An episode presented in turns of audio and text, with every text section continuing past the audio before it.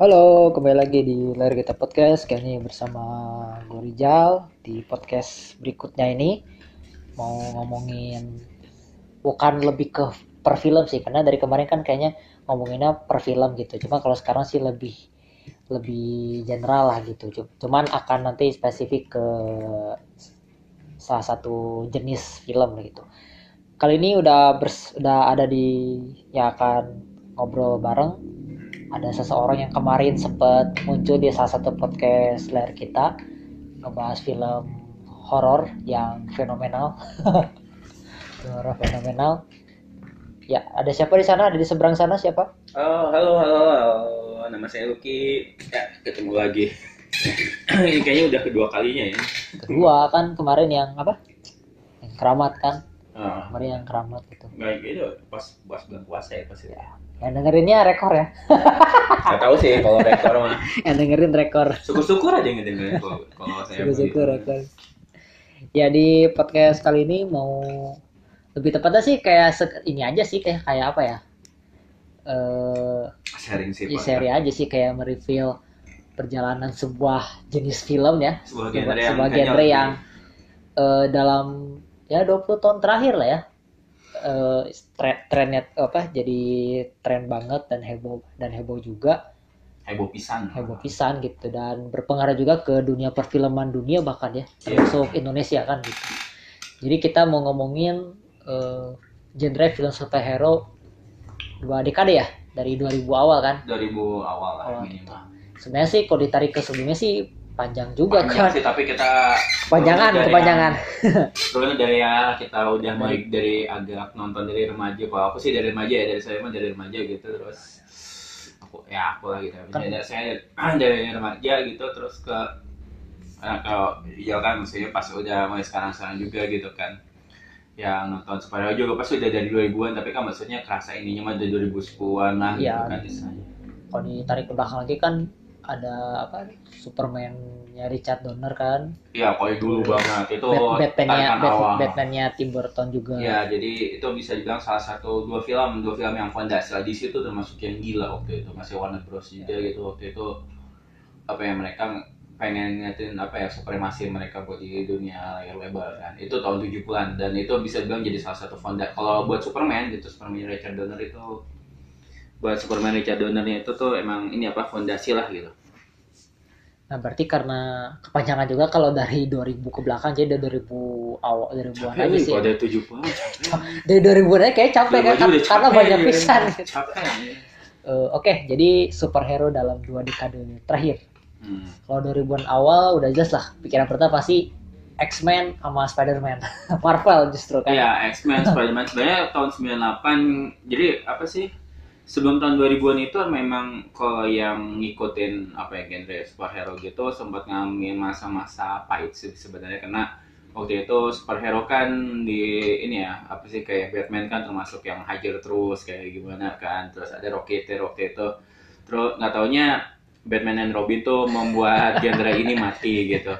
Tapi dibilang mati juga nggak kan waktu itu ada Blade ya Blade-nya Wesley Snipes oh iya Blade juga. Terus uh, ya istilahnya nggak mati-mati amat tapi memang kurang gaung sih.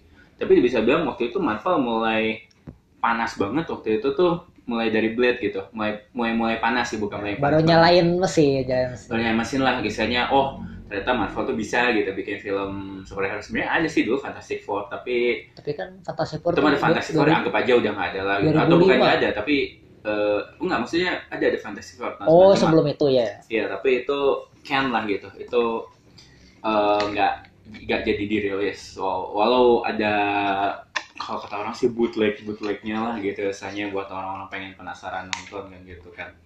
Nah tapi kalau misalnya di tahun 2000-an tuh memang bisa dibilang kebangkitan kedua. Kebangkitan kedua buat era superhero yang bisa dibilang nggak kemudian dia nggak redup ya gitu. Rasanya beda sama tahun 2000 eh beda dari tahun 90-an gitu. Nah, kalau tahun 2000-an tuh mulai dari X-Men. X-Men mulai ada, tapi emang yang paling kencang waktu itu adalah Spider-Man. Spider-Man-nya Sam Raimi. Itu tahun 2002, itu kerasa banget hip superhero tuh bener-bener yeah. megah lagi. Maksudnya dulu ada lah gitu istilahnya kayak Superman, ada Batman-nya Tim Tim Burton. Tetapi pas dimulai dari super apa Spider-Man-nya Sam Raimi ini kerasa banget bahwa film superhero itu bukan sesuatu yang apa ya memalukan lagi gitu yang atau ya childish atau yang kayak sekedar cuman buat apa ya hiburan semata. Tapi kemudian jadi kulturnya itu sendiri gitu. Dulu sih emang sudah menjadi kultur tapi benar-benar ditegasin di, di Spider-Man 2002 sih. Dan termasuk X-Men. Walau walau ada kontroversi di kostum gitu. Tapi apa ya akhirnya bisa dapet fansnya sendiri. Hugh Jackman aja yang dianggap nggak pas aja akhirnya jadi ikonik banget kan 17 tahun dia jadi Wolverine Ya, kayaknya sampai ada yang bilang dia tuh ditakdirkan buat jadi Wolverine.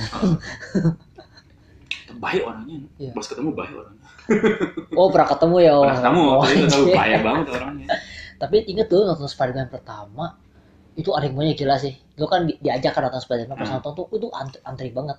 Masuk studio. Dulu kan bioskopnya tuh nggak kayak sekarang gitu. Jadi eh, antrian antriannya nggak kayak sekarang lah ini gitu. Kalau dulu tuh antrian tuh bener-bener dari dari mulai pintu masuk bioskop sampai pintu masuk studio kan beda tuh. iya Antrian tuh bener-bener gila gitu waktu itu.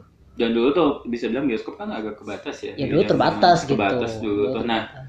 dan animonya emang ini sih aku nggak nggak nggak ngerasain nonton waktu Spider-Man pertama ya waktu itu tapi ngerasain waktu Spider-Man 2 waktu itu tuh Spider-Man 2 tuh nonton-nonton di Bogor waktu itu di Dewi Sartika sekarang sudah nggak ada udah almarhum lah gitu istilahnya waktu itu tuh ngantri di luar terus sampai pintu dibuka akhirnya sampai lari-lari gitu ke dalam buat bisa ngantri terus buat bisa dapat seat yang enak kalau sekarang mah ya udah ada aplikasi lah gitu jadi kayak nggak usah ngantri kayak gitu juga mau ngantri kayak gitu juga percuma beli kayaknya tiketnya sambil rebahan gitu. Heeh, gitu kalau sekarang mah kayak ah ngapain ngantri kayak begitu Ya, juga Capek-capek perjuangan kok beli ya. tiket tuh.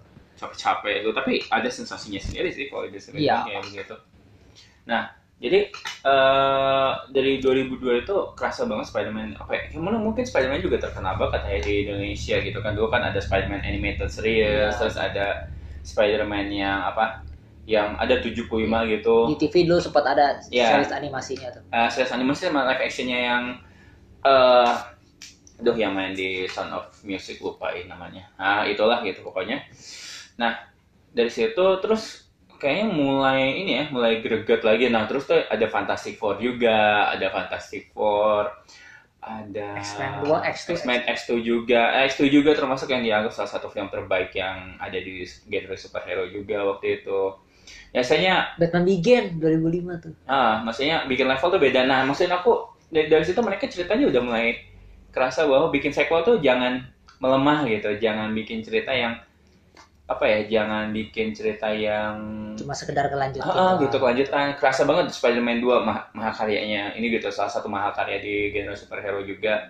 Eh, Unbreakable ada kan tahun 2000. Cuma sayangnya Iya, cuman orang nggak bilang itu film superhero karena nggak nggak nggak dekat- semegah itu kan. bukan nggak semegah tapi dari pihak studionya juga salah waktu itu si Shyamalan udah bilang cik atuh lah iya teh film superhero Promosinya gitu tuh lebih ke drama thriller. drama kan. thriller yang tipikalnya Shyamalan padahal Shyamalan udah bilang iya teh film superhero gitu istilahnya mah cik orang sana mah geus gogo gitu kan udah kas udah Tapi kan itu dibayar tuntas di split sama Glass. ya kemudian gitu. Ya itu pun 16 16 tahun kemudian lah gitu istilahnya. Nah kerasa banget pas nonton apa ya kerasa banget waktu itu animenya sampai Fantastic Four juga ada. Yang istilahnya baik lagi ke corny apa ya corny superhero yang ngelawak juga kayak gitu. Mas tapi di situ juga kerasa banget ada serius-seriusnya kayak Batman eh, Spider-Man 2, Batman Big Batman Begins yang mulai Meledak.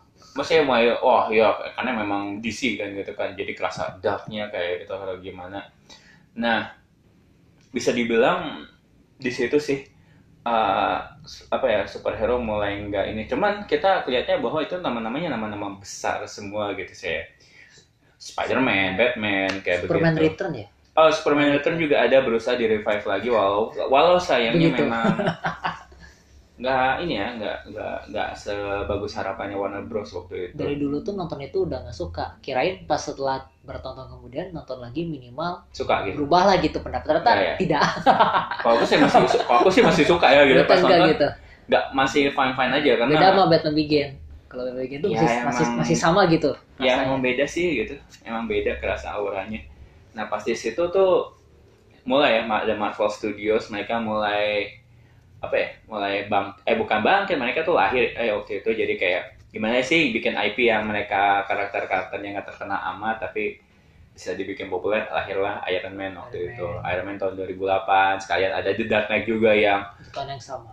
yang menggebrak dunia perfilman juga misalnya oh ini film superhero tapi kok kayak filmnya kayak hit kayak begitu ya kayak hitnya Michael Mann atau gak kerasa superhero banget waktu itu pas nonton. 2008 tuh gila loh Iron Man sama The Dark Knight tuh di tahun yang sama iya dan dan baru ngehitnya setelah itu Wah, tahun yang sama dan tidak terasa persaingannya waktu itu. Jadi memang rentang waktunya juga eh mepet juga ya. Mepet cuman tiga dua bulanan. Dan tapi dan apa hebatnya adalah dua-dua filmnya sukses. Iron Man pun sukses Iya. ya. dan ini bisa dibilang fondasinya MCU di MCU-nya dari situ. Istilahnya kalau itu Iron Man nggak sukses bablas udah nggak ada nggak ada The Avengers nggak ada kayak, Thor nggak ada kayak pertaruhan juga kan Iron Man juga gitu. Iya. Nah jadi emang 2008 termasuk yang unik banget buat di dunia perfilman. Kemudian walau ada beberapa film yang kemudian berusaha mengangkat tema eh maksudnya uh, studio studio yang berusaha nama-nama yang lain lah gitu istilahnya.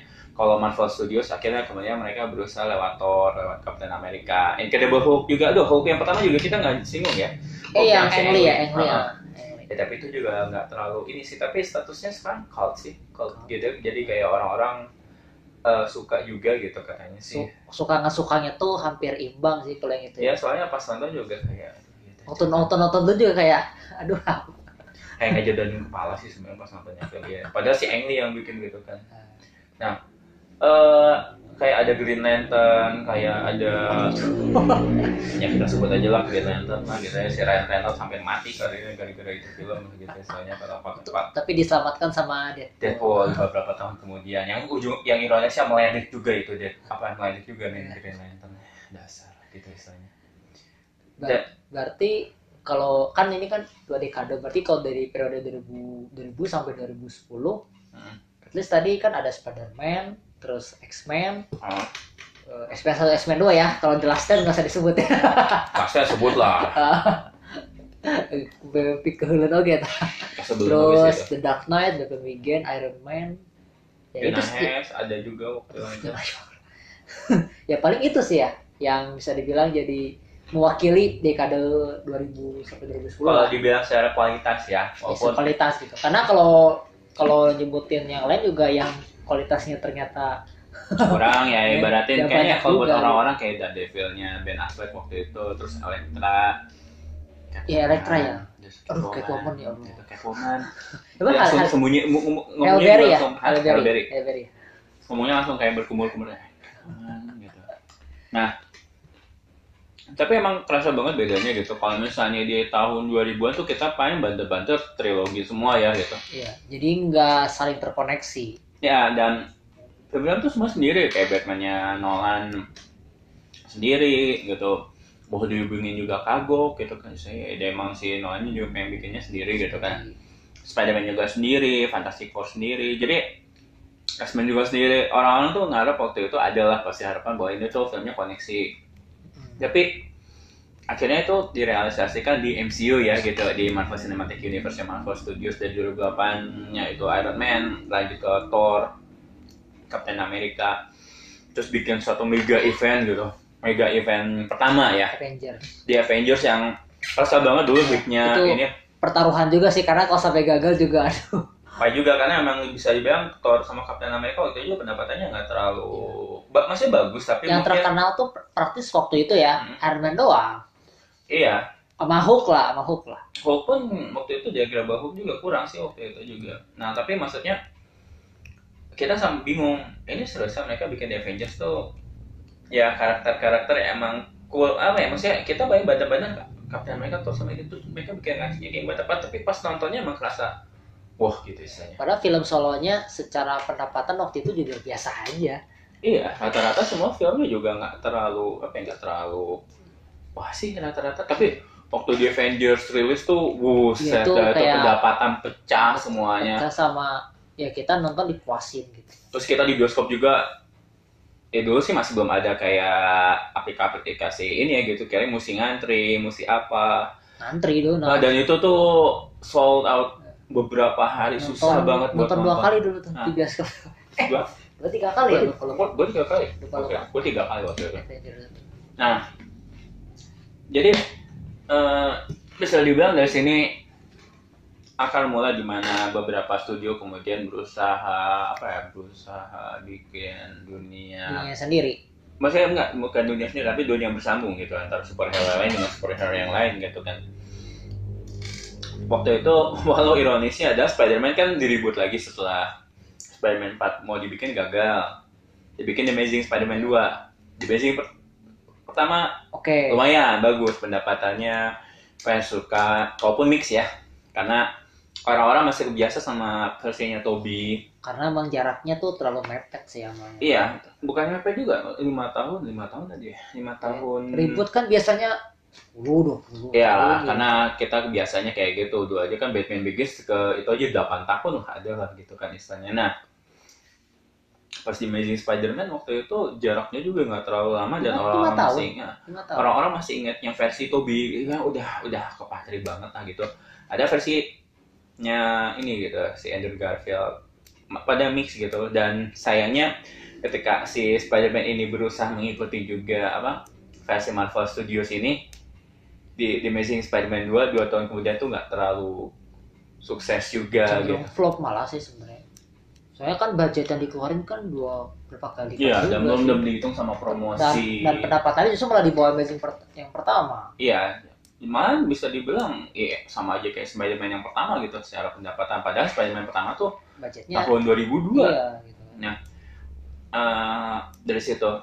Nah, sebenarnya ada perbedaannya sendiri sih waktu dari dua dekade ini. Nah, kita agak nyambungin juga gitu. berarti udah masuk 2010-an ya Iya. Jadi ada perbedaannya mungkin kita ngeliat bahwa tadi udah disinggung gitu kalau misalnya 2000-an itu apa yang masing-masingnya pengen film-film sendirinya lah gitu misalnya. Dibikin trilogi kalau mau banyak pun trilogi ya gitu film-film sendiri. Tahun 2010-an mereka kayak Warner Bros terus kayak Marvel Studios sudah mantep banget yang punya grand plan-nya gitu kayak apa sih, apa sih kata peta biru apa sih? Blueprint. Blueprint lah gitu.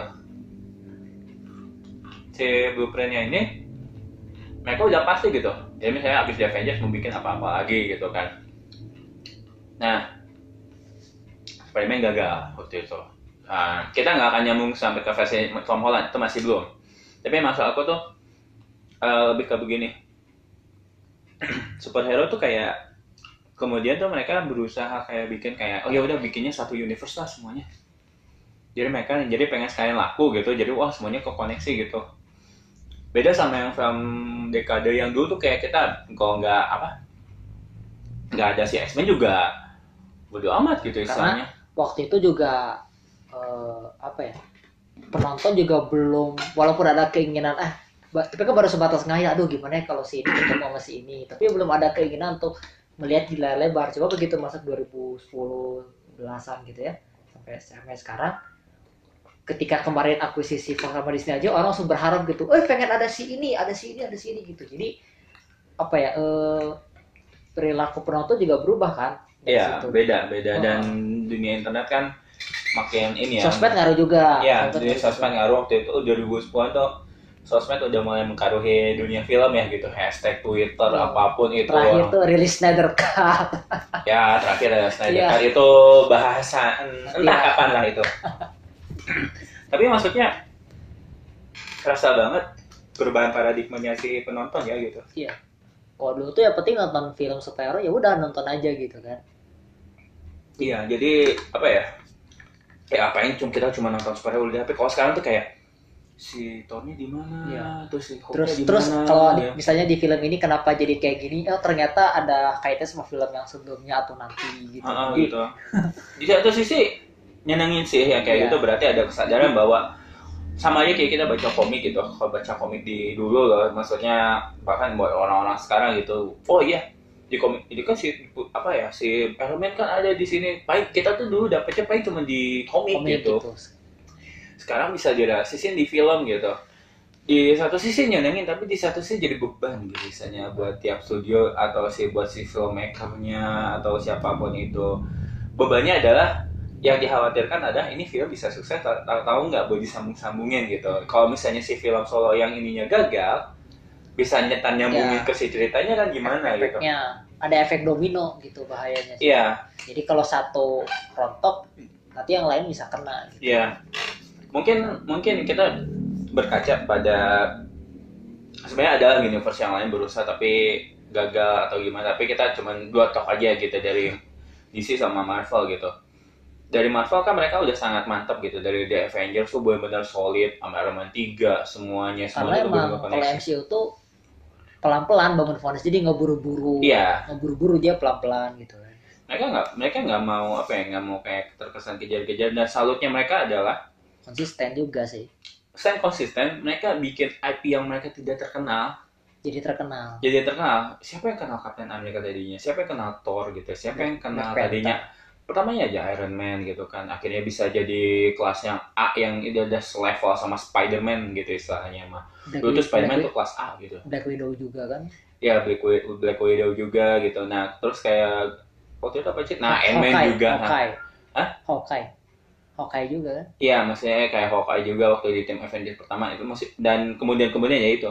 Ada Ant-Man, ada yang lain. Kita, kita siapa superhero yang lain. Kalau yang nggak biasa baca komik ya, hmm, ini siapa gitu. Tapi kayak penasaran kan ini Marvel Studios sudah jaminan mutu lah gitu. Nah, ironisnya waktu itu adalah ma- apa ya Warner Bros waktu itu berusaha ngebangkitin juga ya waktu itu kan mereka bikin Superman Man of Steel gitu kan dari Zack Snyder yang bikin yang misalnya orang udah kebiasa versi Christopher Reeve-nya cerah atau gimana terus dapatnya Ya. Spider Superman menik apa ya depresi sedih bagaimana kok kata orang-orang gitu kan emang iya sih pas nonton tonton itu kayak mani apa sih?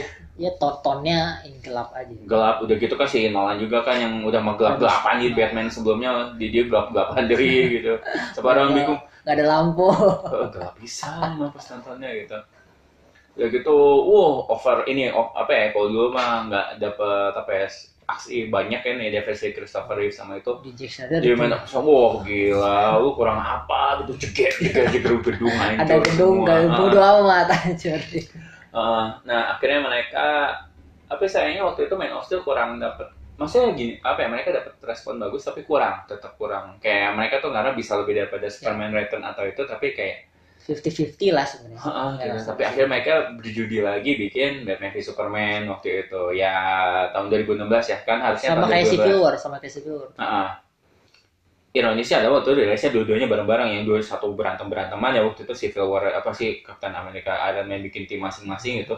Nah kalau yang Batman v Superman main cuma satu-satu doang tapi kurang apa gitu Batman lawan Superman waktu Iya. jadi itu. nggak perlu banyak-banyak Nah tapi pas nonton Batman v Superman juga emang kerasa gitu filmnya Batman pisan gitu sebenarnya Iya. kalau kita pas nonton pas nonton itu tapi sayangnya responnya kurang bagus waktu tapi itu. BVS tuh waktu nonton pertama kali di bioskop ya nggak puas dia begitu nonton director's cut-nya Eh ya Ultimate Cut-nya itu, yang extended durasinya tuh kan tiga jam ya kalau Ah. bioskop kan maksudnya dua setengah jadi Ah. ada beda setengah jam pas nonton nah ini oke nih Ah. jadi ternyata seteng- setengah jam tuh efeknya gede-gede banget Ah. gitu efeknya dan apa ya ada juga Suicide Squad waktu itu ternyata Suicide Squad. Maksudnya so, mereka sukses. Kita kita nggak bisa kita nggak bisa menafikan walaupun misalnya filmnya kurang bagus misalnya walaupun bukan pas nonton kayaknya juga bukan kurang bagus lagi deh. Ya begitulah di bawahnya lah. aku tapi pas nonton itu juga udah kayak ya kok filmnya jadi begini sakit kepala gitu istilahnya mah tidak yang ngomong sakit kepala aja udah kerasa banget. Iya. ternyata filmnya serius itu film lah dan gitu, menyesalnya tuh buk selain apa ya nontonnya tuh dulu di bioskop dua kali Ah, karena nonton pertama kali tuh ah belum kerasa nih filmnya nih coba Ah. nonton kedua kali kebetulan ada yang ngajak kan pas nonton aduh kok harus nonton lagi sih udah kayak beban pisan pengen keluar pengen keluar dari studio Dia kok kayak ini apa? juga gitu. Oh, kayak siksa kubur juga Jadi kayak ya udahlah. gitu sama benernya.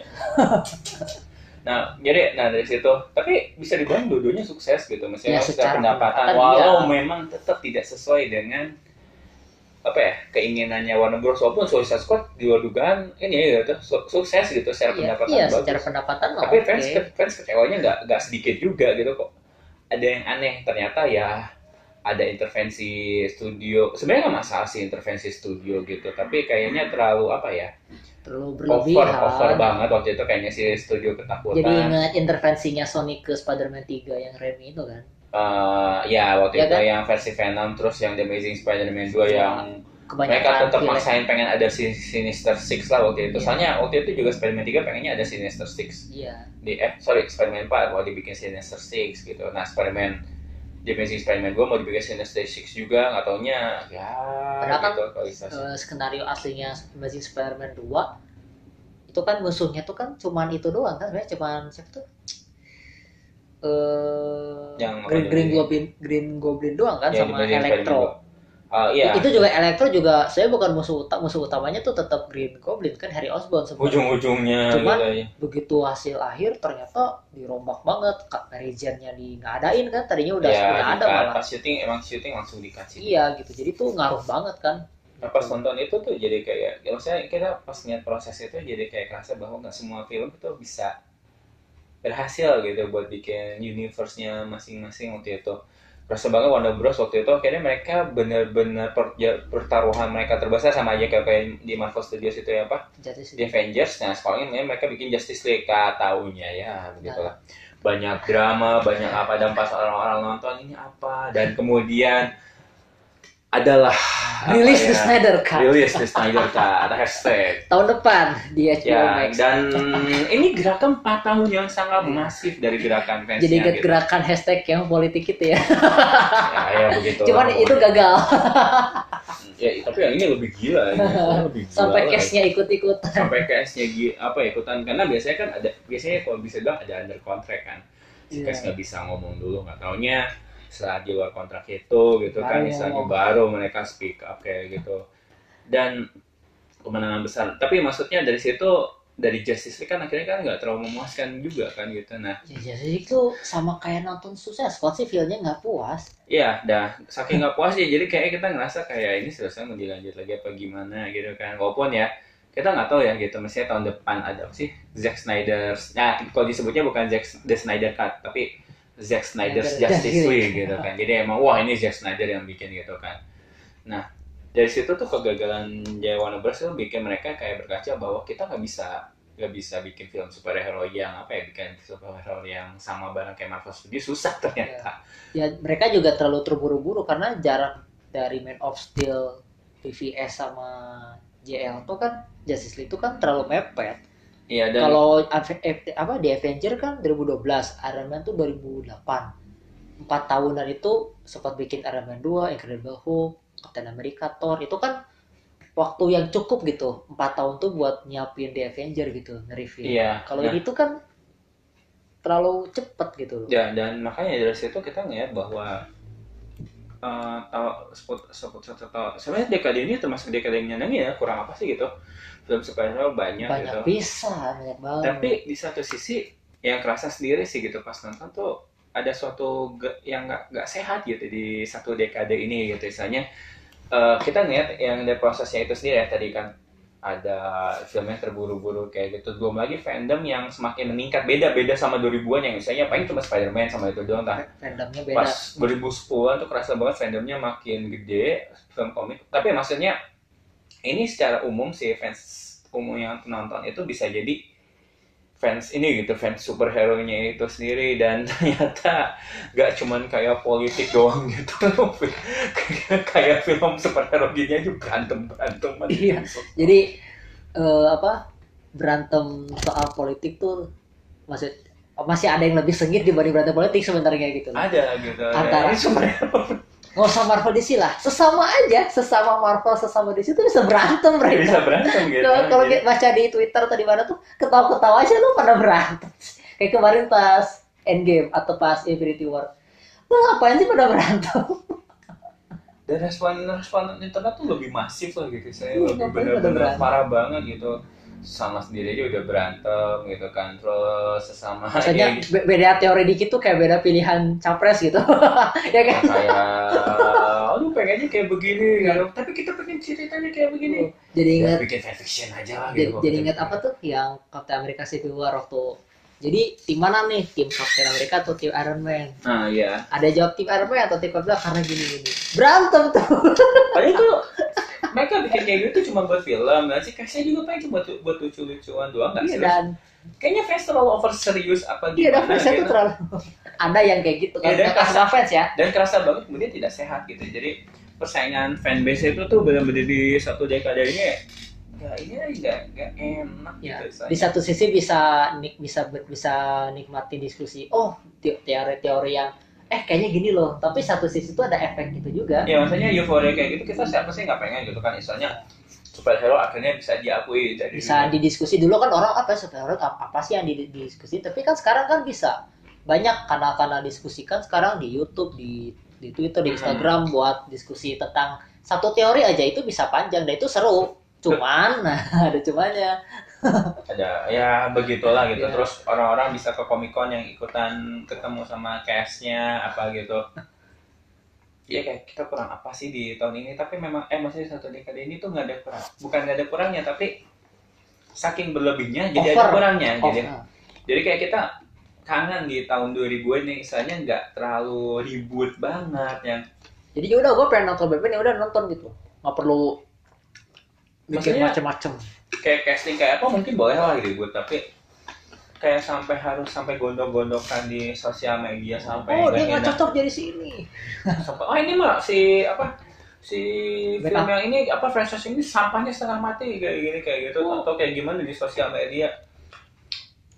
Kayak ngerasa ini elitis sendiri atau gimana gitu. Jadi orang mikir-mikir kayak kita nonton superhero itu udah kayak ini tau nggak kayak niatan barisan politik yang misalnya Nah. bener-bener harus over serius Wah. banget padahal tuh kita sebenarnya nonton film kan sama aja kayak kita nonton apa sih kayak nonton ini walaupun Wah ya kita mikir serius, tapi kan kita juga menghibur diri gitu. Kok sampai gondok-gondok?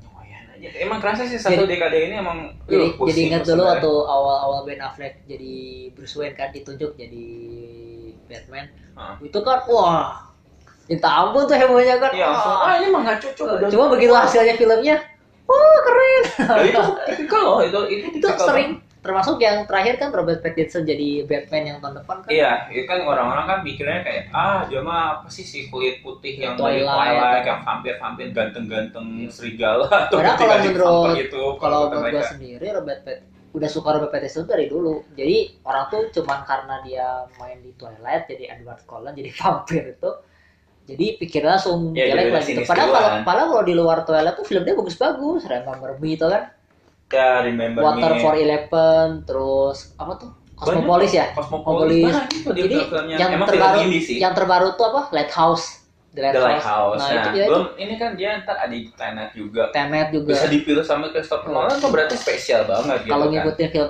Nolan tuh hampir nggak pernah salah milih cast terutama cast inti ya Mm-mm. hampir nggak pernah salah gitu jadi udah Kecuali Interstellar sih. udah itu Itu beda cerita Topik ya, lain. ya, ya, beda cerita. jadi udah bisa dipilih Nolan tuh jadi peran utama lah sastra peran utama tuh berarti Ah. udah nggak main-main kok atasnya Oh, jadi kayak gitu. Ah, jadi udah istilahnya- jaminan sih gitu. Nah, dan, dan fandom tuh masih tetap makanya kayak- sih begitu Robert Pattinson dipilih jadi Bruce Wayne sih percaya sih gue Ah. percaya Nah, pasti biasanya ya dulu tuh kejadian tuh kayak begini, Heath Ledger dipilih jadi Joker atau siapa oh, apa. Heath Ledger juga dulu tuh di ini ini kan wah di Jadi istilahnya fans tuh nggak bisa percaya dulu yang Boya ini acting mereka juga baru kata. Nolan juga kan Nolan kan emang ngotot kan pengen Heath Ledger jadi Joker gitu Ah. udah diem aja gitu kalau kasar itu lo diem aja loh tunggu aja hasilnya oh sekarang kan Ya begitulah makanya uh, ada ketidaksehatan yang istilahnya ketika si sosial medianya itu sendiri makin besar suaranya itu kalau dulu sih emang ada fan mailing ya gitu saya surat nyurat kayak mereka nggak puas kirim ke pihak publisher DC Comics atau Marvel Comics kayak gitu kalau sekarang kan di Iya. Twitter di mana-mana makin nggak pakai etika aja ngomongannya juga Oh, gitu sampai- kan soalnya sampai nyerang personal case-nya malah kadang Iya, itu kayak sayang, itu disayangin banget. Istilahnya gini, kita bisa nggak suka sama apa ya? Ya, uh, aktor itulah kayak gitu. Atau mungkin kita bisa bedain kayak gitu. Kecuali memang mereka sangat over gitu dalam hal ini mempromosikannya itu gitu. Ya, saya mereka terlalu politik kayak gitu. Itu bisa dikritik. Tapi kalau sebaliknya mereka cuma gitu-gitu tuh ya ngapain gitu istilahnya mah kasihan juga gitu. Si siapa waktu itu uh, kayak si Tom Holland perasaan nggak gimana gimana diserang lagi apa gimana gitu kan sama fanboy oh lo tuh bukan Spider-Man ya terus aja gitu udah berapa dekade kayak begini gitu kan kayak ada nggak ada nggak ada udahnya sih. Ya kerasa kayak gitu sih kayak kayak ngikutin Tapi kan- banyak yang bilang kan Avenger Endgame yang tahun kemarin tuh kan kayak kayak klimaksnya genre superhero kan gitu loh. Ya kerasanya Nah, sih sebenarnya. apakah nanti nggak usah 10 tahun lah kejauhan. Lima tahun aja lima tahun ke depan. Trennya apakah masih sama atau mulai ada perubahan gitu loh? Mungkin trennya masih sama tapi pada akhirnya sekarang gini sih kalau aku ngeliatnya gini. Akhirnya si penonton ngerasa agak agak jenuh sih. Ya Pak, Satu satu satu sih pasti akan jenuh. Jenuh.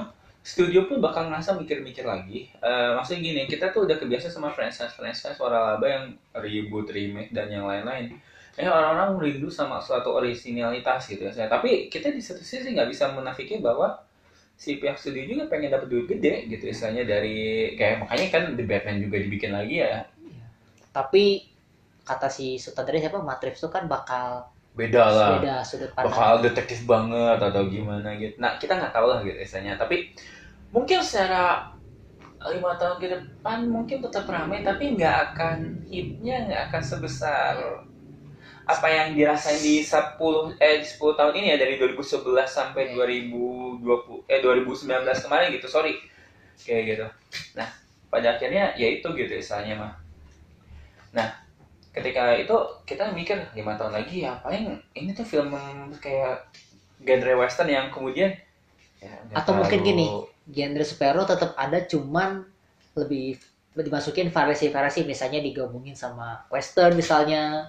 Kan nggak ngefek sih kayaknya. Maksudnya bukan nggak ngefek karena gini mau selalu macam hitungannya tetap superhero ya?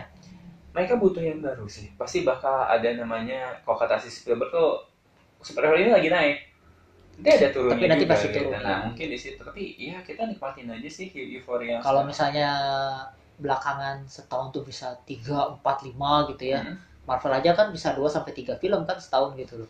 Mungkin tahun tahun tahun depan tahun ke depan mungkin cuma satu dua Ah, gitu. kayak gitu nah Supaya nggak bosan juga gitu loh. Ah tapi kelihatan aja kemarin juga di list filmnya juga banyak benar mereka bikin filmnya mau yang DC juga udah berapa tahun ini mau kehambat sama corona juga. Karena ada serialnya Nah, ada ini. Ada di Disney Plus lah. begitulah. Pusing. ada begitulah. Tapi nikmatin aja lah kalau buat yang ngefans mah penggemarnya kayaknya nggak akan ada batasan sih tapi yang kas tapi yang tapi nggak tahu sih kalau misalnya orang yang nonton aja penonton film-film jenis kayak gitu aja superhero aja apakah dia ngerasa jenuh apa enggak gitu. Karena kita aja nih yang nontonnya maksudnya ber- apa berba- ya berbagai jadi, nggak cuma superhero jadi film genre lain suka lah gitu. Film alternatif gitu. Tetap aja ada ada rasa jenuhnya gitu. Ya pengennya dan film juga. alternatif tuh kayak nggak cuma sekedar pelarian jadi kayak pengobat obat aja Ah, obat jadi kayak kita lah sekarang gitu. kalau nonton kayak begini tuh kayak apa ya keharusan gitu. Mesti nonton yang ini mesti nonton yang ini mesti nonton yang ini. Atau harus nontonnya cepet-cepet gitu. Jadi kalau kalau kita kalau nggak nonton ini kita nggak akan ngerti. Ya bisa aja udah. Ya begitulah secara satu dua dekade ini sih gitu dan kita berharapnya sih mungkin walaupun euforianya bakal biasa aja nanti bisa lah gitu istilahnya tetap rame gitu. sama kalau Indonesia juga kan nanti mau udah pu- apa mau punya dua kan ada Ya. Bumi Langit sama apa Gatot Kaca ya Ya Satria Dewa ya Satria ya Dewa. bukit itulah pokoknya. kemarin Bumi Langit udah dimulai sama Gundala. Gundala. Sukses Walaupun- ya, ya. secara pendapatan sih buat sebagai mirip Iron Man sebenarnya secara secara ini lumayan cuman kalau secara keseluruhan sih kalau gue sih kurang puas ya Buk- Iya. tapi- bukan berarti bilang jelek ya tapi kurang puas aja sih gitu loh tapi buat awal itu udah lumayan gitu loh Iya. Ya mudah-mudahan sukses juga walaupun telat ya startnya kalau di Iya. kita. Iya gitu. Ta- Ya, ta- gitu. Tapi kan Kak, lagian kan ya eh, bu- bu- apa ya butuh ngebangun juga ngebangun ininya juga sih euforia juga gitu. Ya. Ya, gitu. Karena nanti itu. ke depannya kan ada Sri Asi, ada si paling nunggu si Buta sih karena udah kebayang si Buta tuh paling susah karena settingnya kan zaman Zaman dulu. zaman set zaman Jawara lah gitu, zaman zaman Hindia Belanda. Nah, Udah gitu settingnya kan pasti kebanyakan oh, karena sutradaranya Timo juga dia bilang kalau syutingnya tuh apalagi gara-gara covid juga kan ditunda karena banyaknya di outdoor juga gitu ah. jadi udah kebayang ribetnya kayak apa karena syutingnya tuh outdoor gitu Hmm. Gitu. ya paling itu sih. Ya, mudah-mudahan sukses juga lah itu yang apa sih nggak nggak usah buru-buru kayak DC aja sih. Ya atau superhero ya apa sih kayak Sony waktu itu sama ya, Spider-Man pelan gitu. pelan pelan aja gitu. Kan Sabar. Gundala Sri Asi si Buta itu ya pelan pelan kayak aja. mesin diesel aja. Pelan sabar. Kan masih gitu. Iya. ya begitulah ya misalnya mah. Sama jangan terlalu ngebandingin superhero luar sama sini juga gitu loh. Karena ya Be- ya beda juga- beda juga. sadar diri aja lah kita nontonnya kalau di luar mah CGI-nya udah bagus se- secara duit udah jelas lah udah beda jauh gitu oh. Lagian kan Joko Anwar juga bilang kalau Bumi Langit tuh nanti di bawahnya tuh bukan kayak superhero luar yang banyak-banyak alien lah gitu. jadi Hmm. lebih ke siluman silumanan gitu loh Ya, Sama- tipikal, sama ya, mitos-mitos komiknya. Indonesia gitu, Kayak kan. komiknya juga. Indonesia kan kaya akan mitos juga kan Hmm. jadi lebih ke sana bagus sih kalau ngelihat pendekatannya semoga Hmm. hasilnya bagus juga Amin. Ya wow udah berapa menit Gak nih kerasa ini, nggak kayak kelamaan juga Eh, kita ini ngobrol. obrolan randomnya tahu. Tapi emang superhero emang ini ya nggak nggak nggak nggak ada habisnya sih. Kita Iya. mau dari dulu juga dari tahun 90 70-an tuh sampai sekarang nggak akan ada habisnya sama aja kayak film sama kayak buku sama kayak ini. Misalnya ini tuh udah jadi culture-nya orang-orang lah gitu misalnya apalagi superhero gitu kan. Pahlawan orang-orang pengen kan gitu kan. dan kepahlawanan tuh ternyata kalau makin ke situ agak sedikit beda sebenarnya kepahlawanan tuh nggak harus selalu Super. super gitu loh sebenarnya mindsetnya tuh udah mulai agak diubah beberapa bela- belakangan lah beberapa tahun tuh mulai diubah tuh Iya, gitu loh di Gundala juga sebenarnya agak diubah sedikit gitu loh iya. ha. ya kan ketika si Sancakannya belum bisa nge- ngeluarin petir kan dia udah mengeluarkan sifat kepahlawanannya kan Ya, biasanya kayak gitu. Ada Jadi, basicnya sih dari iya. semua superhero kayak gitu. Jadi nggak mau mereka ketika jadi kostum sih. iya Itu udah tipikalnya superhero juga. ya, Ya. gitu. gitu obrolan random Nah, kita random banget jadi buat ngebahas superhero tapi ya ngebahasnya cuma dua dekade doang gitu kan misalnya. ya dua dekade aja udah segini durasinya Kayaknya kayak gini, ini gue kebayang kalau misalnya tiga dekade bisa empat jam kali kita ngebahas. dibuat dua bagian kayak Avenger oke makasih buat so saudara Lucky Ya, ya. ini apa sebutnya apa nih pegiat Pegiat horor kalau di gitu. Di sebelah, Tapi di sebelah. di sebelah di pegiat horor gitu kan. Tapi kalau di sini kayaknya ya pegiat film aja lah gitu. punya suka nonton superhero dah gitu Yang suka nonton film juga gitu kan. Oke, eh, makasih juga buat eh, teman-teman yang udah dengar podcast ini. Ini diuploadnya nanti aja lah, tunggu aja lah gitu ya. Karena ada podcast lain juga yang nanti nunggu kan, ngantri Hmm. gitu loh. Pokoknya eh, dengerin aja podcast kita di layar kita podcast ada di Spotify, ada di Apple Podcast juga. Ada ini ya podcast-podcast yang lain lah yang Iya, bisa ada. didengarin juga. Gitu. Spotify, Apple Podcast, Google Podcast, di Anchor juga ada gitu kan. Ya. Terus juga untuk info tentang kegiatan layar kita juga bisa lihat di IG layar kita. Gitu Hmm. aja. Oke, Sip. eh, dari jauh Kayak Lucky juga. atau diri. Dadah. Duh.